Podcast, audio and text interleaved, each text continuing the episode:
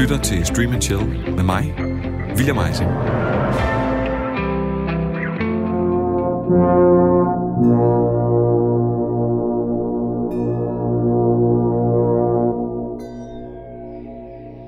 I dag tjekker Stream and Chill ind på hotel. Men der er så mange muligheder.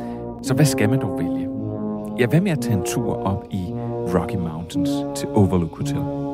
Et dejligt bjerghotel, hvor man, hvis man er heldig, kan få lov til at møde den tidligere alkoholiker og skolelærer Jack Torrance, der passer hotellet. Og når lige advarer, han er lidt af en karakter, og indimellem, så løber det hele af med ham.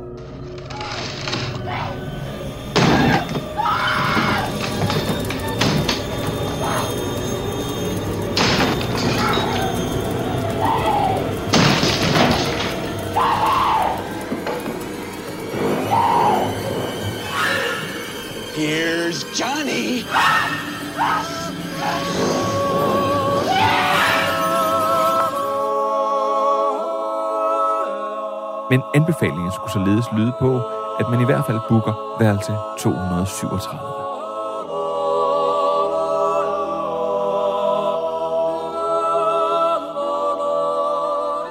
Måske skulle man i stedet for vælge et kurophold på det overdådige, engang mægtige og prægtige Grand Budapest Hotel i den mindre kendte nation Dubrovka.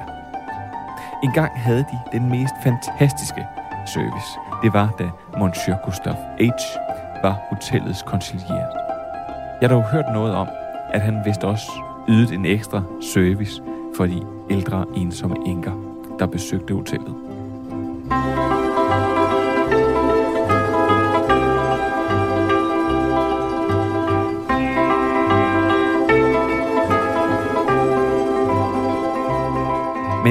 Dag er Grand Budapest Hotel dog ikke så velholdt. Det er forfaldet, og derfor så tror jeg faktisk, vi kigger videre.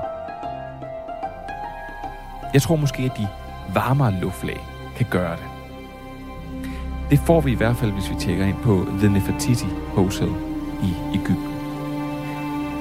På dette overdådige hotel, der ejes af Freddy Hamid, der tilfældigvis er mellemmand i store internationale våbenhandlere og andre ulovligheder, kan vi få fremragende service.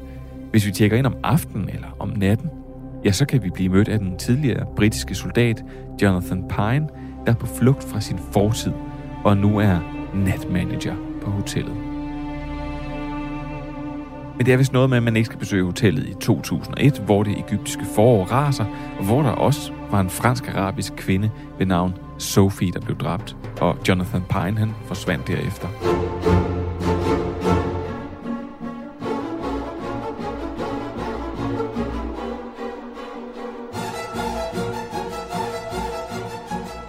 Det virker måske så, som om, at der faktisk er noget negativt ved alle de her hoteller. Så måske skulle vi bare gå totalt low-key og tjekke ind på et hotel. I Oregon har jeg hørt, at man kan finde det meget ydmyge Bates Motel, der er drevet af en ung mand ved navn Norman Bates og hans mor. Men hende ser man ikke rigtig så meget. Ved du hvad, måske skulle vi vælge det helt, helt sikre valg og tjekke ind på det overdådige hawaiianske luksushotel for de elitære med røven fuld af penge. The White Lotus. Som tilfældigvis også er omdrejningspunktet i Mike Whites nye HBO-serie af samme navn. Ved I hvad? Det er det, Stream and Chill handler om i dag.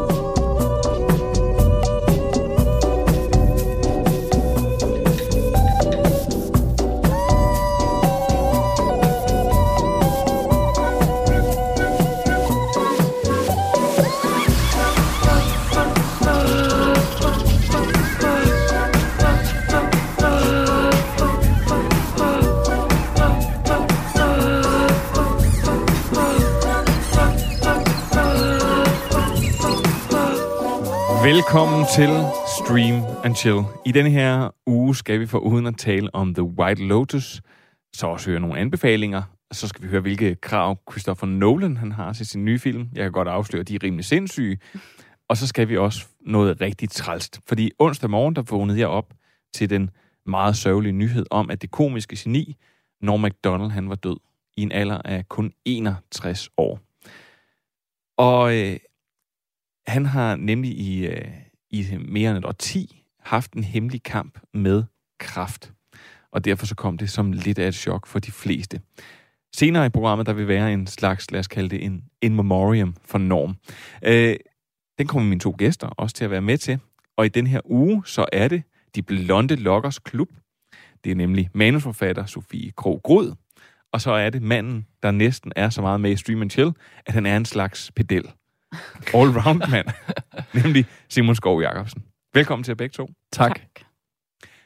Og jeg kan afsløre så meget, at Sofie, det er dig, der virkelig har pushet for, at vi skulle se The White Lotus. Ja. Den øh, slog du virkelig et slag for at blive med, ved med at insistere, selvom I aldrig rigtig får lov til sådan at have medbestemmelse. Og så møder du op i dag og siger, at du ikke har set det sidste afsnit. Ja, men det var også fordi, jeg havde en lidt travl uge forud, og nu var jeg gået i gang med den her serie, så jeg pushede også lidt, fordi jeg tænkte, jeg kan simpelthen ikke nå det, hvis du lige pludselig kommer med sådan tre sæsoner og et eller andet. Så du pushede simpelthen ikke, fordi det skulle være en god serie? Du pushede bare, fordi det skulle være nemt? Af mange grunde. Jeg synes også, at det var en god serie. Det finder vi ud af. Det er det i hvert fald The White Lotus. Ja. The goal is to disappear behind our masks as pleasant, interchangeable helpers. It's tropical kabuki. Aloha. Happy to be here. We're on our honeymoon. You're such valued guests. Welcome to the White Lotus. Are they bigger? Nicole, they're fucking huge. I haven't seen them in a while. It's cancer. Swole balls. Did they biopsy your balls, Dad? Not yet. Surprise! Mom! Am I interrupting? I know it's only your honeymoon. Oh my god, look at her face. Rachel, you were such a beautiful bride, but also very pale. But now you have a little more color and it looks great. Thanks.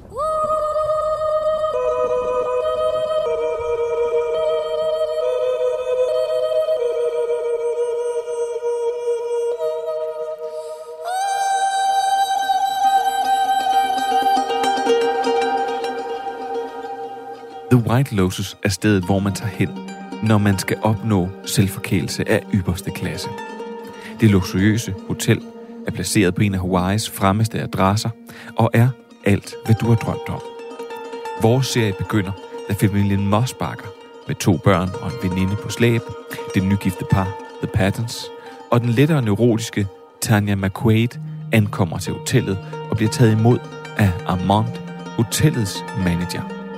Og herfra begynder, hvad der bedst kan beskrives som et absurd sortkomisk drama med The White Lotus som scene. Mike White har skabt, skrevet og instrueret serien. Blandt de største navne på rollelisten finder man Connie Britton, Jennifer Coolidge, Alexandra Daddario, Steve Zahn og Jack Lacey. The White Lotus er tilgængelig på HBO Nordic og består af seks afsnit.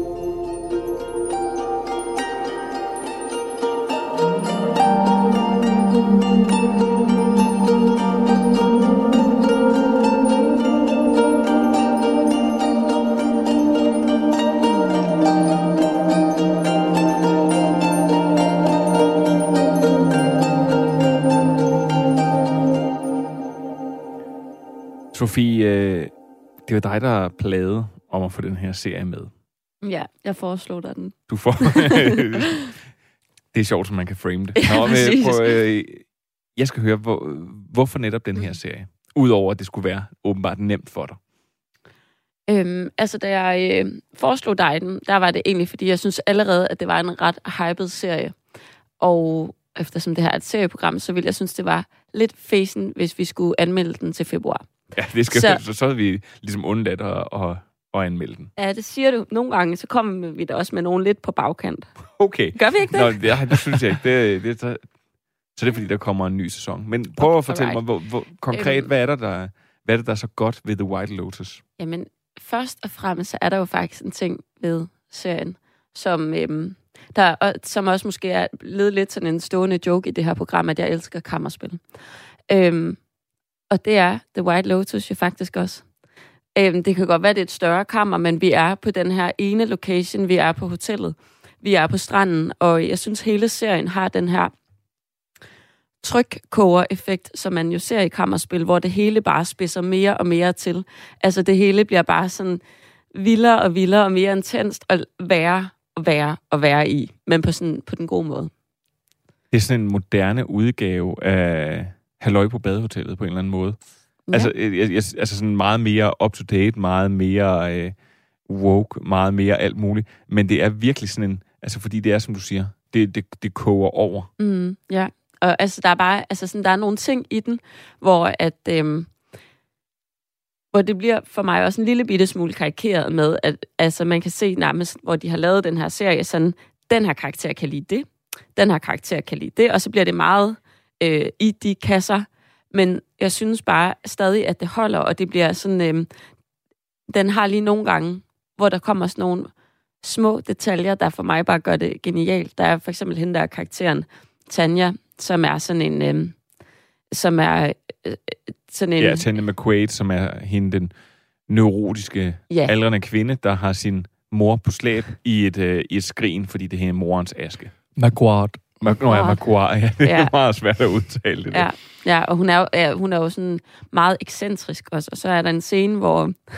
hvor jeg synes, det er så komisk. Hun har drukket sig ret fuld og kommer ind på sit værelse med det der skrin, og sådan skal hjælpes i seng. Men hvor hun lige kaster skrinet op på natbordet. Det er sådan en lille detalje, men bare sådan, altså sådan det fysiske spil i den her serie med, at hun ikke bare lige kan sætte det, men hun ligesom skal kaste fra sig. Og sådan. Jeg synes, det er sådan nogle små detaljer, der gør, at komikken der i bare spiller. Fordi de er gemt, synes jeg, flere steder i serien. Men Simon, ellers så må man jo sige, at hvis det ikke er det komiske, som jo ikke rammer en lige med det samme, så er der jo også et mysterie, fordi vi starter med at blive, øh, vi starter med at se serien i lufthavnen, hvor at øh, den øh, unge Shane Patton, øh, han sidder. Og han virker jo utrolig sur, Mm. øh, og han er, han er uden sin kone. Og øh, så sidder der et par over for ham og spørger, om, altså, om de ikke var på deres bryllupsrejse, fordi de havde vist mødt dem, da de fløj ned. Og så siger de, jo, siger han, jamen, vi, hvor boede I? Og han virker afvisende og siger, men vi boede på The White Lotus. Og så siger de, "Men var der ikke nogen, der døde der? Og i det så ser man sådan den der kiste, de bliver jo transporteret i sådan nogle store bokse, når de skal hjem. Mm. Så ser man det, og så er han sådan et fuck off, altså jeg gider ikke at snakke mere. Så, så er der ikke også et, et mysterie, der egentlig kan fastholde en i den her serie? Øh, jo, lidt, øh, men, men, men heldigvis ikke alt for meget, synes jeg. Øh, fordi øh, meget af det, som Sofie beskriver, at, at det, der også gør serien god for mig. Og så synes jeg, det var meget sjovt lige en gang imellem at komme i tanke om, hov, nå, at der er der egentlig også en, der skal dø på et tidspunkt, kan vide, hvem det er. men, men det er jo ikke noget, der fylder noget som helst, ud over den allerførste scene, og så sådan til sidst i, i det aller sidste afsnit, jeg skal nok lade være med at spoile noget, øh, men hvor man så begynder at tænke, nå ja, der er, jo, der er jo en, der skal nå at dø i den her serie. Øh, Ja. Hvad er det? Hvad, kan jeg vide, hvad der sker der? Og jeg sad sådan næsten til allersidst og tænkte, det kunne sgu egentlig også være sjovt, hvis der bare ikke var nogen, der døde. Eller jeg kunne ikke helt huske, hvad det var, de havde sagt i start, men, men hvis man så bare havde siddet og tænkt, Nå, ja, der, der, så var der ikke nogen, der blev. Så var der bare en, der døde naturligt, eller et eller andet. Men, men det sjove er jo, at de... Det er jo ikke, fordi de laver decideret farlige ting. Men som du siger, så er hende der, Tanja, hun drikker sig rigtig fuld. Der begynder at ske, ske nogle intriger, hister her. Øhm, lige pludselig sådan lidt... Det var det, der gik op for mig, desto længere hen jeg kom i serien. Det er, der er ikke nogen, der er oplagt til at dø. De kan Mhm. alle sammen dø. Mm. og, og, og det var egentlig det, der sådan blev, øh, der blev ved med at fastholde mig. Jeg synes jo, at det, det er en øh, rigtig, rigtig dejlig længde serie. Seks afsnit af cirka den her time her. Den formår faktisk at holde mig interesseret hele vejen hen. Jeg sad også og tænkte, jeg skulle ikke have haft et afsnit til. Jeg skulle ikke have, jeg skulle ikke have afsnit 7, 8 eller 9. Det- men men det- myster- mysteriet holder mig fast så længe, at jeg faktisk også er sådan lidt, hvem er det, der skal dø? Det er sjovt, fordi Det det, der mysterie, det fylder bare ikke noget for mig. Altså Nej. jo, det var der i den første scene, men så ligger jeg det egentlig lidt væk. Øhm, og synes bare, at det er sådan, at det er en god dramaserie, øhm, fordi at jeg synes, det er nogle øh, sjove karakterer, der er med. Altså selvom, selvom det selvfølgelig er drama, så synes jeg også bare sådan den der sådan lidt ironiske humor, der er der i, og sådan, øh, det er helt klart den, der holder, holder mig til ilden i det. Altså, jeg synes jo, det er jo nogle... Det synes jeg faktisk, at øh, jeg, vil sige, jeg, må, jeg må give for tabt og erkende, øh, jeg skrev en øh, besked til Andreas, øh, som særligt har slået det øh, slag for Succession, og så måtte jeg simpelthen øh, bekende mig til, at, at nu havde jeg sat mig ned for tredje gang og givet den et forsøg. Og den her gang, der kom jeg altså videre end de første par afsnit og endte faktisk med at være helt vild med den. Og Det min, godt. Ja, min kone og jeg kan, slet ikke, kan, kan nu slet ikke vente til, at tredje sæson kommer her. Men det er jo lutter usympatiske karakterer, der er der, Mm. som man ikke kan holde med. Her, det er jo også, i den her, så synes jeg også, at der er, det er jo lutter usympatiske karakterer, øh, som, som alle sammen, som, al- altså, hvis de ikke er usympatiske til at starte med, så enten så bliver en af deres grimme sider præsenteret, eller også så, så vokser de sig ind i det usympatiske. Og det hele, det er så krydret med, jeg synes jo egentlig, hotelpersonalet, som, øh, som ham her, øh, symboliseret ved ham her, Amond, hotelmanageren, som, som, som nægter at indrømme en fejl, han har begået, og som jo også siger, som noget af det første, altså nu kommer gæsterne, du skal bare tage en eller anden maske på. Mhm. Mm. Altså bare lade som om du ikke er her, bare smile til dem, og bare være sådan, altså sådan, føje dem lidt, men ikke give dem for god behandling, men heller ikke give dem dårlig behandling. Og hvor man bare tænker, altså det vil sige, jeg har sgu været på hoteller, hvor jeg faktisk har oplevet det. men, men, men føler I sådan, at I ender med at holde med nogen? Mm. Nej, nej, Hold ikke. med, synes jeg også er meget sagt. Ja, altså der, der er jo måske nogen, man får lidt mere øh, sympati for end andre, eller nogen af, af de, forske, de, de forskellige personers historie, individuelle historie, man, man engagerer sig lidt mere i end andre, men jeg synes bare, det er en sådan helt forrygende øh, quirkiness og helt øh, surrealistisk øh, nogle af de scener, der, der er, og øh, øh, så synes jeg, det er, det er fedt med sådan en serie, hvor der er netop ikke nogen, der er en held, eller nogen, der er øh, virkelig the good guy, eller et eller andet, altså, men, men hvor man alligevel er engageret i deres historier, og i hvert fald for mit vedkommende, øh, synes, det er vildt spændende at følge med i, og sjovt. Jeg synes, det er en vildt sjov serie også. Men der er der nogen, der ikke sådan... Altså, er der nogen af dem, der ikke er sådan decideret trælse? For eksempel ham, sønnen, der er den der rige familie, der tager afsted, og så har de sådan lidt autistisk sær søn. Ja, men som, som alligevel bare ender med at være sådan... Altså, så, ja, det vil sige... øh, Jeg har så, ikke så, set det Nej, nej, nej, det er heller ikke så meget det. men- Men, men han ender... Jeg synes jo, han, han, han bliver... Han bliver mere og mere vag. Det er det, jeg synes faktisk nogle gange, der er... Det vil sige, det er den store faldgruppe, den er, for jeg er også meget begejstret. Jeg har været godt underholdt i de her seks afsnit.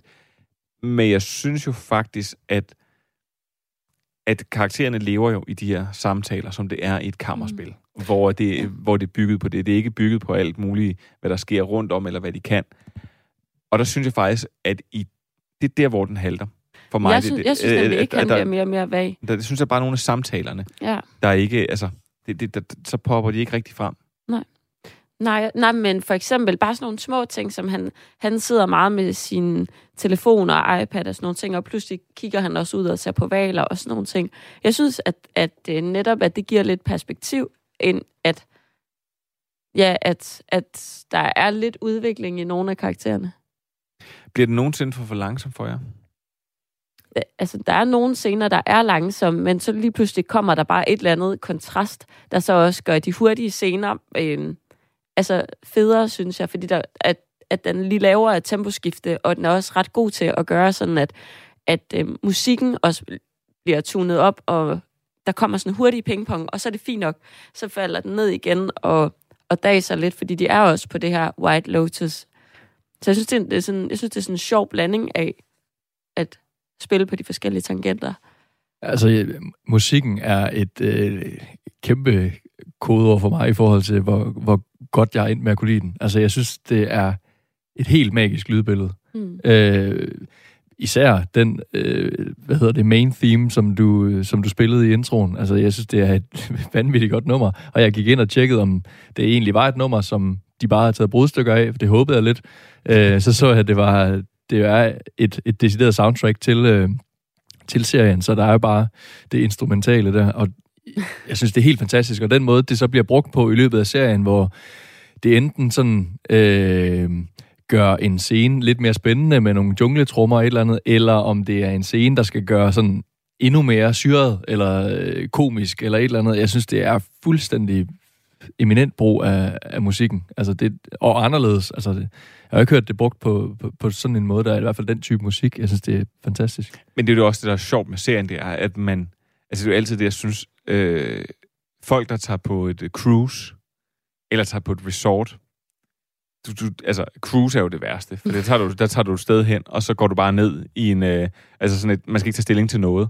Øh, altså, man skal skide, når man skal skide, og man skal sove, når man skal sove. Øh, men derfra så kommer du bare ned, og så er der bare en buffet, og så er det bare sådan, åh, du kan bare skovle ind i hovedet og sådan noget. Det her, det er jo det samme. Det er jo rimandsudgaven af det. Jo, jo, de skal vælge, hvad de skal lave.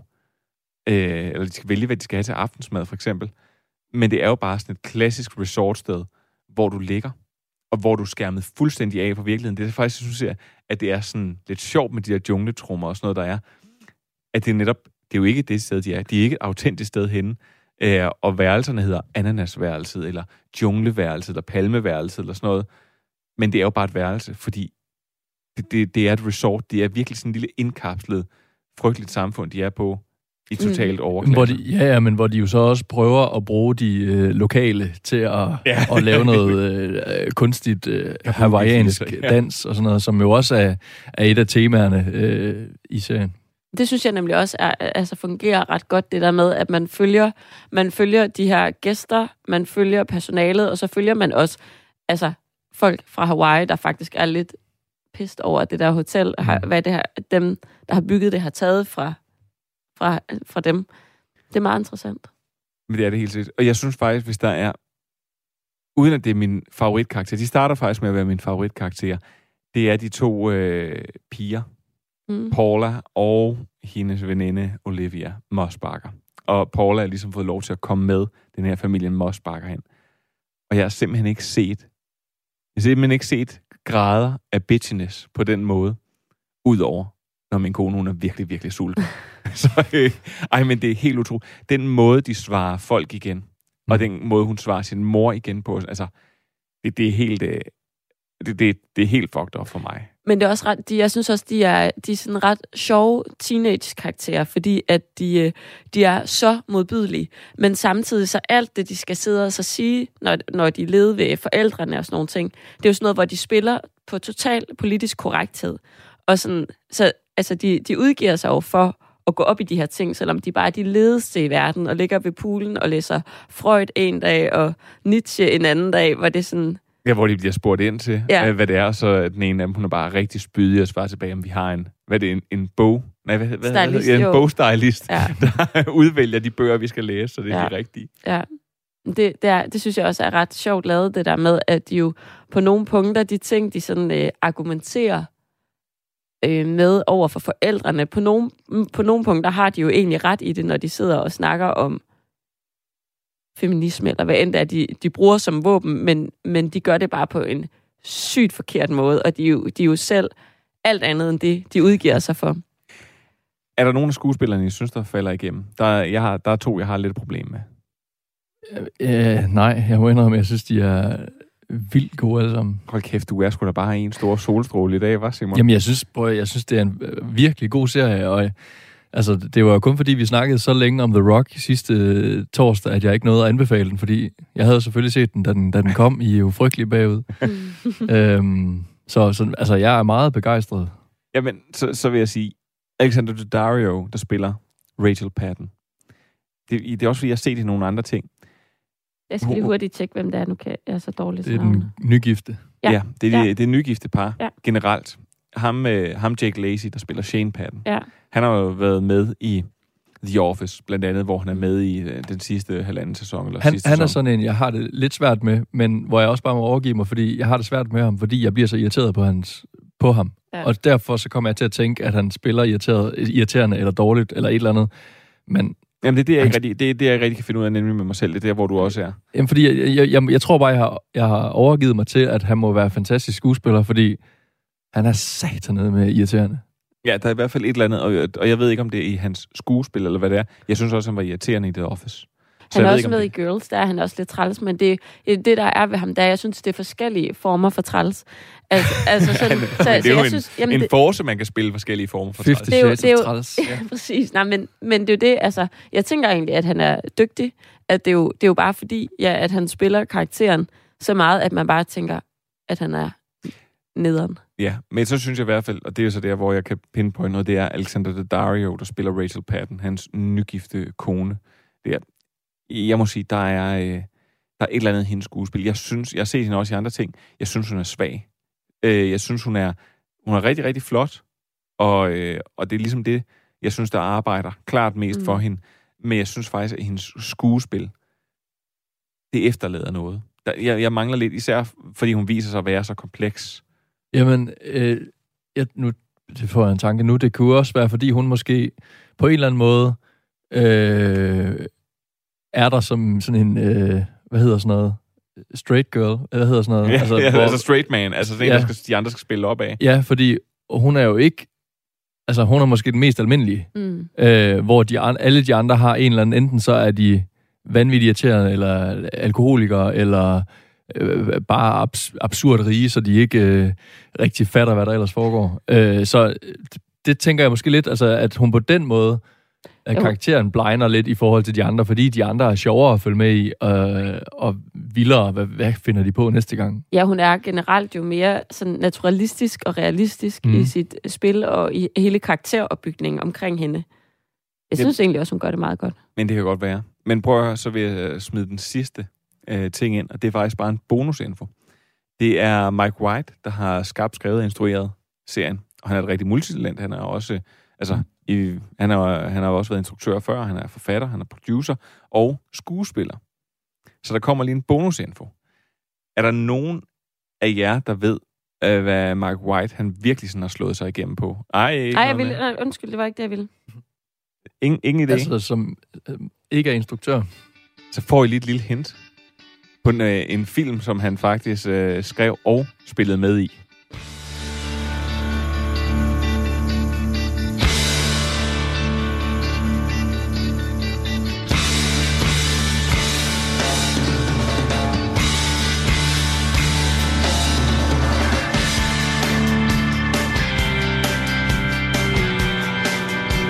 Kan du huske, Simon?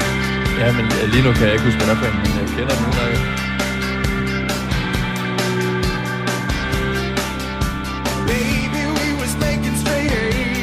Ah, selvfølgelig. School of Rock. Lige præcis. øhm, for jeg synes, jeg havde hørt det her Mike White før. Det går op for mig, at øh, Mike White, det er ham, den hvide pasty ven, som Jack Black han har. Øh, som er kærester med Sarah Silverman i serien. Men øh, ja, det er simpelthen... Forrygende film. Det er, det er nemlig en fuldstændig forrygende film. øh, ved du hvad, mens vi lige sætter den her skiller på, så finder ud af, hvor man kan, simpelthen kan streame uh, School of Rock, fordi den, uh, den fortjener klart et gensyn. Men er der nogen afsluttende bemærkninger, eller skal vi finde ud af? To afsluttende bemærkninger. Altså, altså, fordi jeg synes virkelig, det her det er en fed serie. Hvis man skulle sætte en finger på det, så tror jeg, at det er... Nogle gange kan det godt blive lidt trivielt med karakteren Sean, hvis altså sådan... Jeg tænker, det må være skørt for ham. Læs manus, og bare for at vide, din ting er at du er, har det nederen over, at du ikke har fået den suite, du har bestilt. Altså sådan, det, det, altså sådan, jeg synes, det fungerer, jeg synes, det er sjovt, men hvis man havde nogle lidt kritiske briller på, så ville det også være sådan lidt endimensionelt. Jeg synes, det fungerer vildt godt, fordi det jo netop gør rigtig meget ved Armand. Altså, det ja. ødelægger jo ham. Ja, ja. Altså, fuldstændig, ja. ikke? Og altså, hotelmanageren, som ja. bliver spillet fuldstændig magisk. Øh, jeg, jeg vil godt knytte en afsluttende bemærkning bare til persongalleriet generelt. Vi har jo snakket om det, men jeg synes, det er så forrygende. Øh, og spillet vildt godt hele vejen rundt. Lige, vi har været inde på Miss McWard, som jo er Stiflers mom. Øh, hun, hun spiller virkelig, virkelig godt, ja. Altså, det, jeg kunne godt se det sådan, altså en eller anden hun er jo stadigvæk bare Stiflers mom, der så er taget alene på, på, på det her hotel. Øh, jeg synes, hun er fantastisk. Og så måske min yndlings, øh, Steve Zahn, som er øh, ja. herre Mosbacher, altså faren i den her meget, meget rige familie. Ja. Jeg synes, han er så sjov. Ja. Altså i tredje afsnit har han jo, hvor han sammenligner det at have sex i et øh, langt ægteskab, som at deltage i et reality-program, hvor man skal spise ulækre ting man gider ikke rigtigt, men man skal nok lige kæmpe sig igennem. Bare lige holde sig for næsen, og så videre. Og det altså, skal vi sige, jeg synes, det, det, gør han, det gør han foran sin søn. Ja. ja det, jamen, øh, ved du hvad? Med det, så synes jeg, vi skal finde ud af, øh, hvem øh, den her White Lotus, den kunne være for. Hey, du lytter til Stream and Chill. Og det er jeg sgu faktisk i grunden rigtig glad for. Der er masser af Stream and Chill, og det kan du finde det sted, hvor du normalt finder din podcast. Men du skal fortsætte med at lytte, for det her det er altså kun en skiller.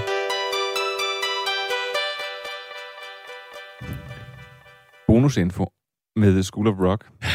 det er faktisk Richard Linklater, der har instrueret den. Det er manden, der har lavet øh, Before-serien og lavet Boyhood.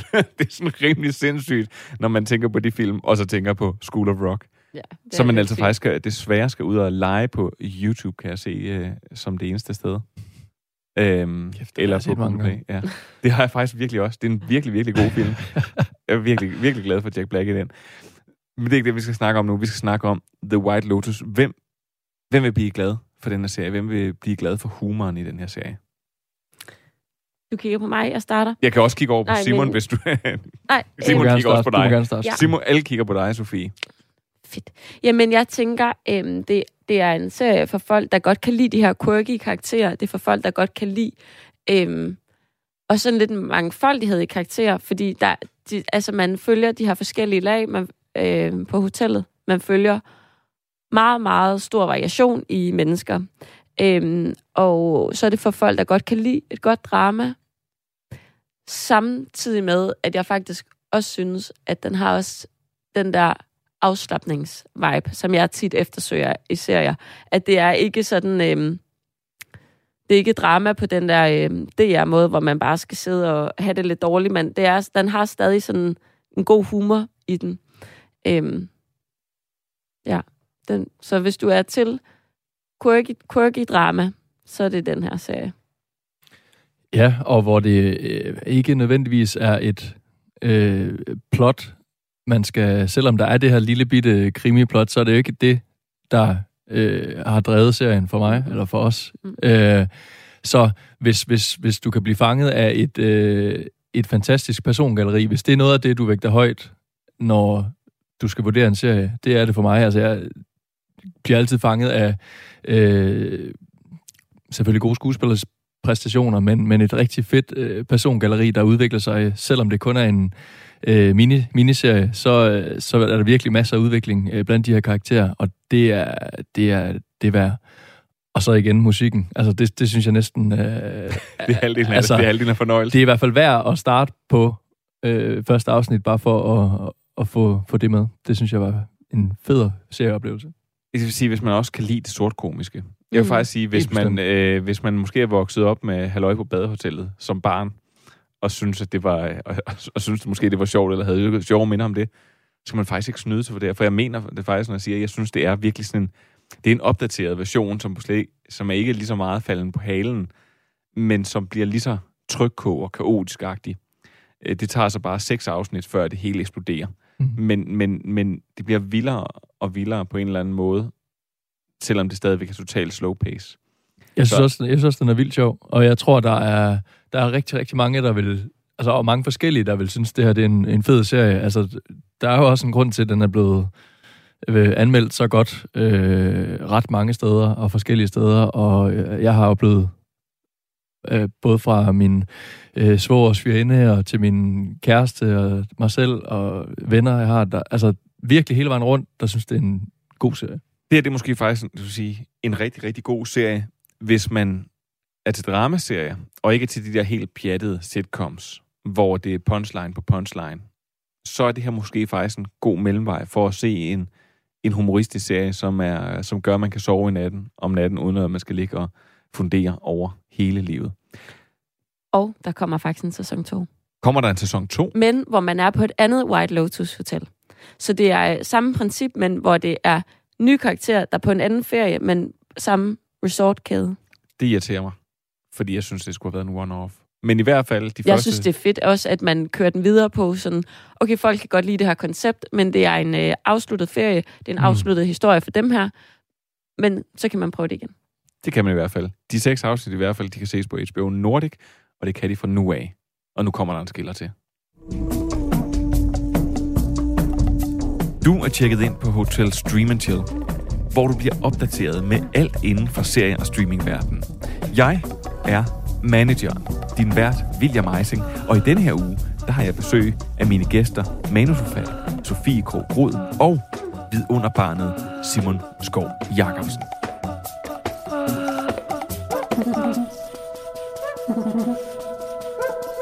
Mere af den skønne junglemusik. Ja, det er fantastisk.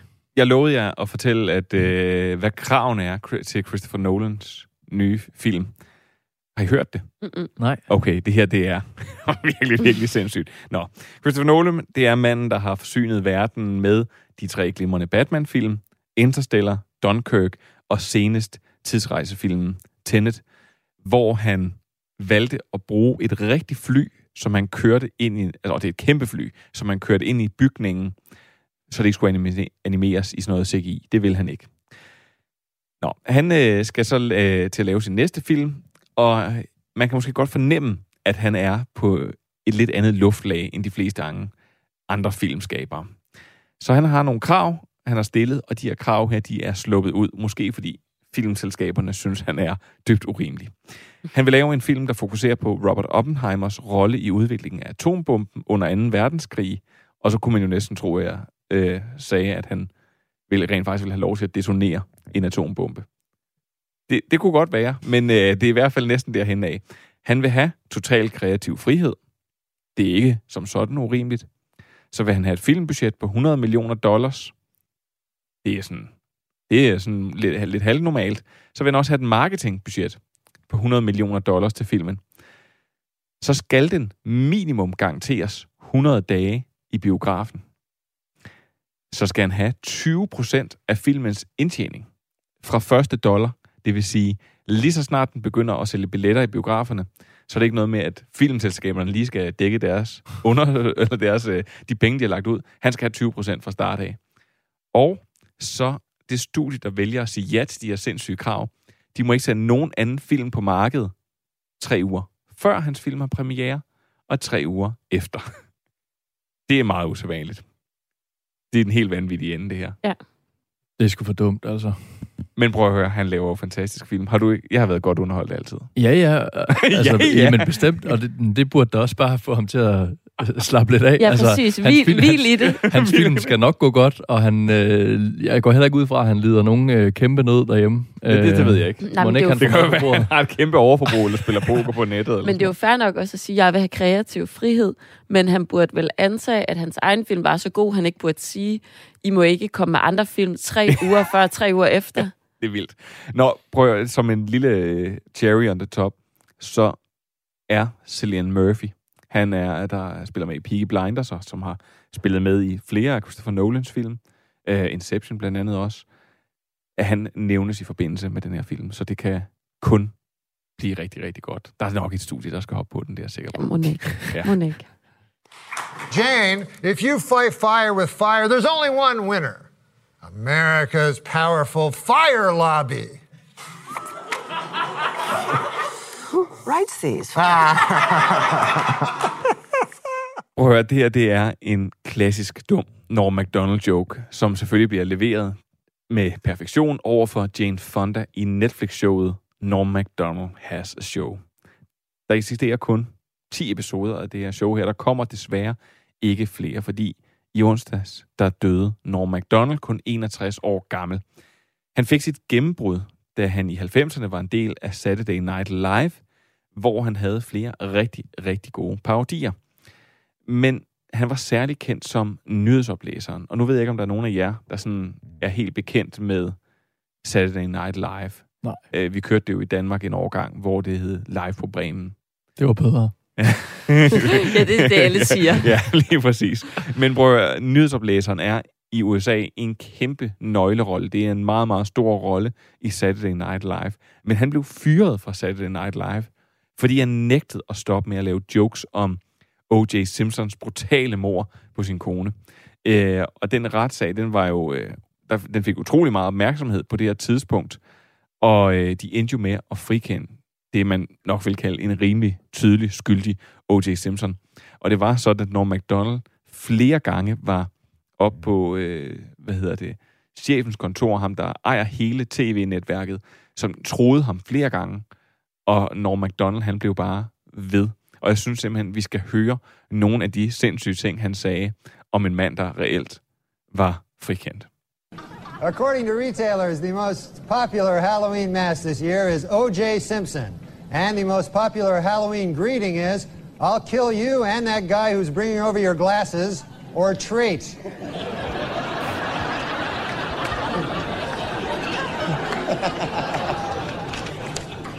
And the Pope came out with a book this week, which contains a series of essays examining faith and morality in today's secular world and the changing role of the Catholic Church as it approaches the 21st century.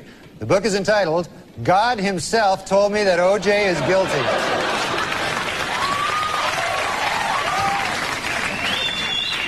In other book news, Prince Charles released an autobiography in which he states that he never loved Princess Di and that his father pressured him to marry her. The book is entitled, Of Course OJ Did It. I mean, come on. In his book, O.J. Simpson says that he would have taken a bullet or stood in front of a train for Nicole. Man, I'm going to tell you, that is some bad luck when the one guy who would have died for you kills you. That's probably. you don't get worse luck than that. Jeg tænker, han blev fyret for at sige den slags. Prøv at Norm MacDonald, han var en hyppig gæst i diverse talkshows, og hans joke, øh, hans 13 minutter lange joke om nyhederne, som ender med øh, en shallow grave, og hvordan han selv vil slå et menneske ihjel, det er simpelthen legendarisk. På Netflix, der kan man finde hans show Norm MacDonald, Hitler's Dog, Gossip and Trickery, og på HBO Nordic kan man finde en rigtig gammel special med ham fra 90'erne. Der er desværre ikke så meget andet af hans materiale tilgængeligt. Øh, men det der er, det bør man simpelthen tjekke ud. Og man kan finde en masse på YouTube, en masse klip, blandt andet hans parodi af Burt Reynolds, hvor han kalder sig selv for Turt Ferguson. Jeg kommer til at savne ham rigtig meget, og jeg synes faktisk, at det er rigtig, rigtig mærkeligt, at en, man, når man er rigtig, rigtig glad for en person, og man så ligesom øh, skal mindes dem på en eller anden måde, at det er så noget, man kommer til at smile af. Og jeg sad faktisk i går øh, og genså øh, hans, øh, hans øh, show, der hedder øh, Me Doing Stand-Up, hvor han starter ud med en joke, vi skal høre lige om lidt, og hvor det slog mig, at han jo har haft den her diagnose i så mange år og holdt det hemmeligt, og han har højst sandsynligt også haft den, da han gik på scenen der, og, øh, og så starter han ud med at lave en, en joke om, at det er bedre at være i live, end det er at være død. Og der begyndte jeg simpelthen at græde, og så bliver det sjovt, og så begyndte jeg at grine. Øh, det er virkelig mærkeligt, fordi jeg havde virkelig håbet på, at jeg kunne nå øh, at se ham næste gang, han kom til Danmark. Men prøv at øh, Norm MacDonald Me Doing Stand-Up fra 2011, det kan man altså finde hos Apple, hvor man bliver nødt til at købe det. Og jeg synes, vi bliver nødt til at høre den her åbning her, som sætter det hele i et helt andet lys. Og det er klassisk Norm MacDonald. Og så synes jeg, at så er vi også ude af sørgeprocessen derefter. The amazing uh, Fillmore and, uh, you know, the unbelievable. It's good to be alive, you know what I mean, isn't it? That's what I say. That's what I like. That, I find that to be the goodest thing there is. to be alive. And uh, the reason it's so good is because it's so bad to be dead. it's not like life's so fucking great, but compared to being smothered in earth. So I just every day I'm happy not. That's my goal in life is not to die. Everybody need a goal, and so that's my New Year's resolution every year. I go, I'm not going to die. I think actually scientists should kind of look into that whole death thing because uh, they seem to focus on diseases, and uh, you know, I don't give a fuck about them because you know the guy go, "Hey, you got uh, we fixed your uh, arthritis," and they go, "I'm still gonna die." They go, "Yeah."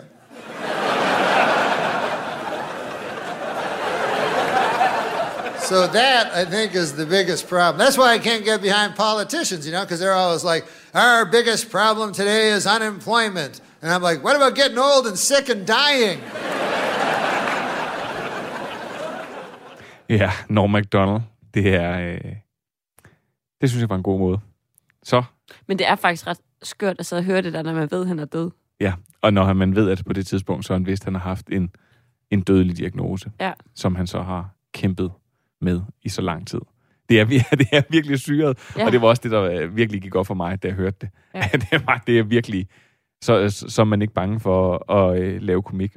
Og øh, jeg hørte ham faktisk lave et lille coronashow, som han havde lavet, og der siger han, og der ser han altså helt rædderlig ud, øh, så siger han, øh, jamen jeg ved ikke, om det er sidste gang, jeg kommer til at lave øh, stand-up.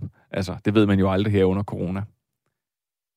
Og det er også, altså, det er også lidt mærkeligt at sige det. Altså, det, det er øh, virkelig ikke særlig lang tid siden, at det, øh, at, at det klip blev lagt ud. Mm.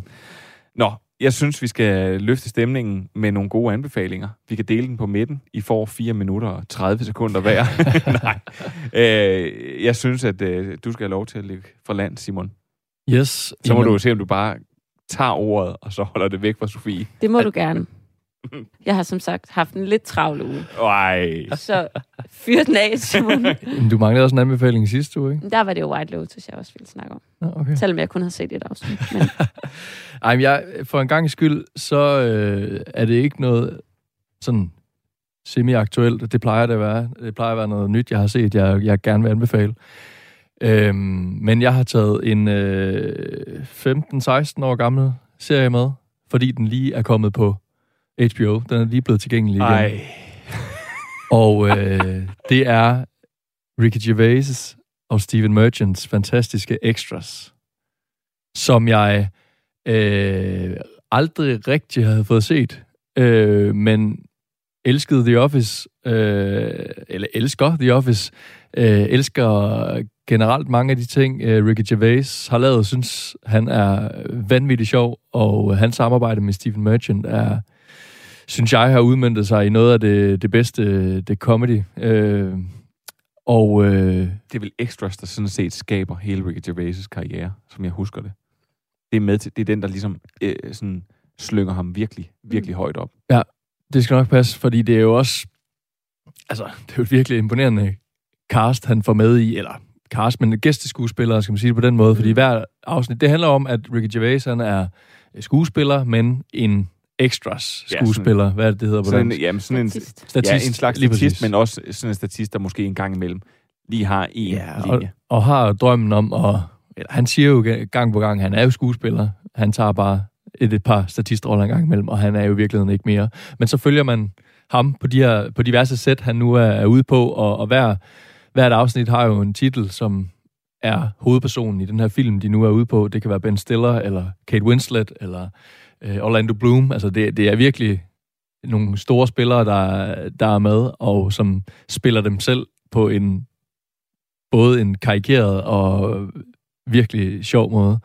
Øhm, jeg synes, den er vildt sjov, og jeg er så glad for, at den endelig kom på streaming igen på HBO, som sagt. Øhm, så den er, der er mulighed for at se den. Det, det er jo decideret. Altså, jeg vil sige, jeg, jeg har jo svært ved at se sådan nogle ting som Kloven. Øh, fordi jeg synes, Kloven er sådan lidt halvringe, og det er en nedkogt kopi af, hvad hedder det, Curb Fusiasm. Enthusiasm.